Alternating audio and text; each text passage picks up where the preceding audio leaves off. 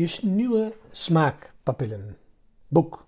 Bright Line Eating van Susan Pierce Thompson. Popquiz vandaag. Vraag. Weet je hoe lang het duurt voordat je nieuwe smaakpapillen groeien? Wat denk je? Is het twee dagen, twee weken, twee maanden of twee jaar? Hmm. Het antwoord is, wat denk je? Twee weken. Over twee weken heb je totaal andere smaakpapillen. Hé, hey, en dat is goed nieuws.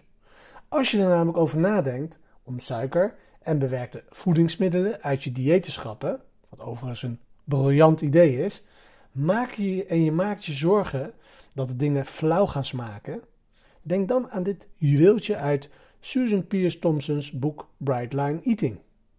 Ze zegt: Every cell in your taste buds dies and is replaced by a brand new taste bud cell every two weeks.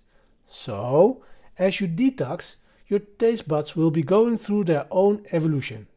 And in very short order, your food will taste amazing. En nu in Nederlands. Elke cel in je smaakpapillen sterft en wordt elke twee weken vervangen door een gloednieuwe smaakpapillencel. Dus terwijl je aan het detoxen bent, zullen je smaakpapillen hun eigen evolutie doormaken. In een zeer korte tijd zal je eten weer geweldig smaken.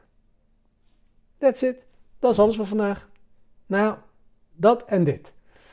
Heb je eten dat moet gaan? Schop het eruit en laat je smaakpapillen evolueren.